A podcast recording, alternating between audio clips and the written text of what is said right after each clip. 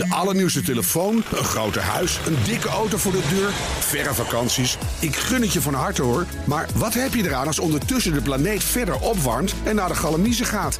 Wil je echt weten hoe het zit en wat we eraan kunnen doen? Luister dan naar BNR Duurzaam. Elke maandag tussen 3 en half 4 op de radio en altijd online als podcast. Want die volhoudbare wereld, die maken we samen. BNR Duurzaam wordt mede mogelijk gemaakt door Milieuservice Nederland. De ondernemende afvalpartner voor zakelijk Nederland. De column van Bernard Hammelburg. Hoe straft Donald Trump het om zeep helpen van de democratie in Venezuela met sancties? Wat doet Europa tegen de Russische inlijving van de Krim? Sancties. Sancties en boycott. Je stilt er de pijn van de verontwaardiging mee. Een soort paracetamol voor geopolitieke kwetsuren. Maar werkt het? De eerste keer dat het sanctiemiddel werd gebruikt was 137 jaar geleden in Ierland tegen een rentmeester die zijn pachters tijdens een hongersnood geen uitstel van betaling wilde verlenen. Tot in de verre omgeving wilde niemand meer zaken met hem doen. Die rentmeester heette Charles Boycott.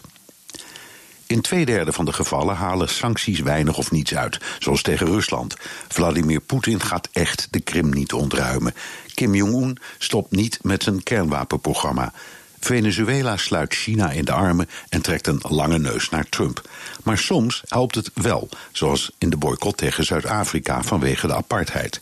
En tegen Nederland. Tegen het Koninkrijk der Nederlanden Jazeker, precies 72 jaar geleden riep Indonesië zijn onafhankelijkheid uit. Nederland weigerde die te erkennen en ondernam zelfs koloniale oorlogen die eufemistisch politionele acties werden genoemd. De Veiligheidsraad van de VN begon onder aanvoering van Amerika een ware diplomatieke loopgravenoorlog tegen het koloniale Nederland. De Raad nam een trits anti-Nederlandse resoluties aan. President Truman dreigde Nederland te schorsen als VN-lid en zette de Marshallhulp op een laag pitje. Het kostte Nederland 1,1 procent van het bruto nationaal product. En in 1949 ging ons land eindelijk door de knieën met de soevereiniteitsoverdracht. Ook alweer zo'n vindingrijk eufemisme. Dus ja, het Koninkrijk behoort tot die een derde minderheid waar sancties wel succes hebben gehad. Wij kozen eieren voor ons geld en hielden er mismoedige, misdeelde vluchtelingen aan over en nasi.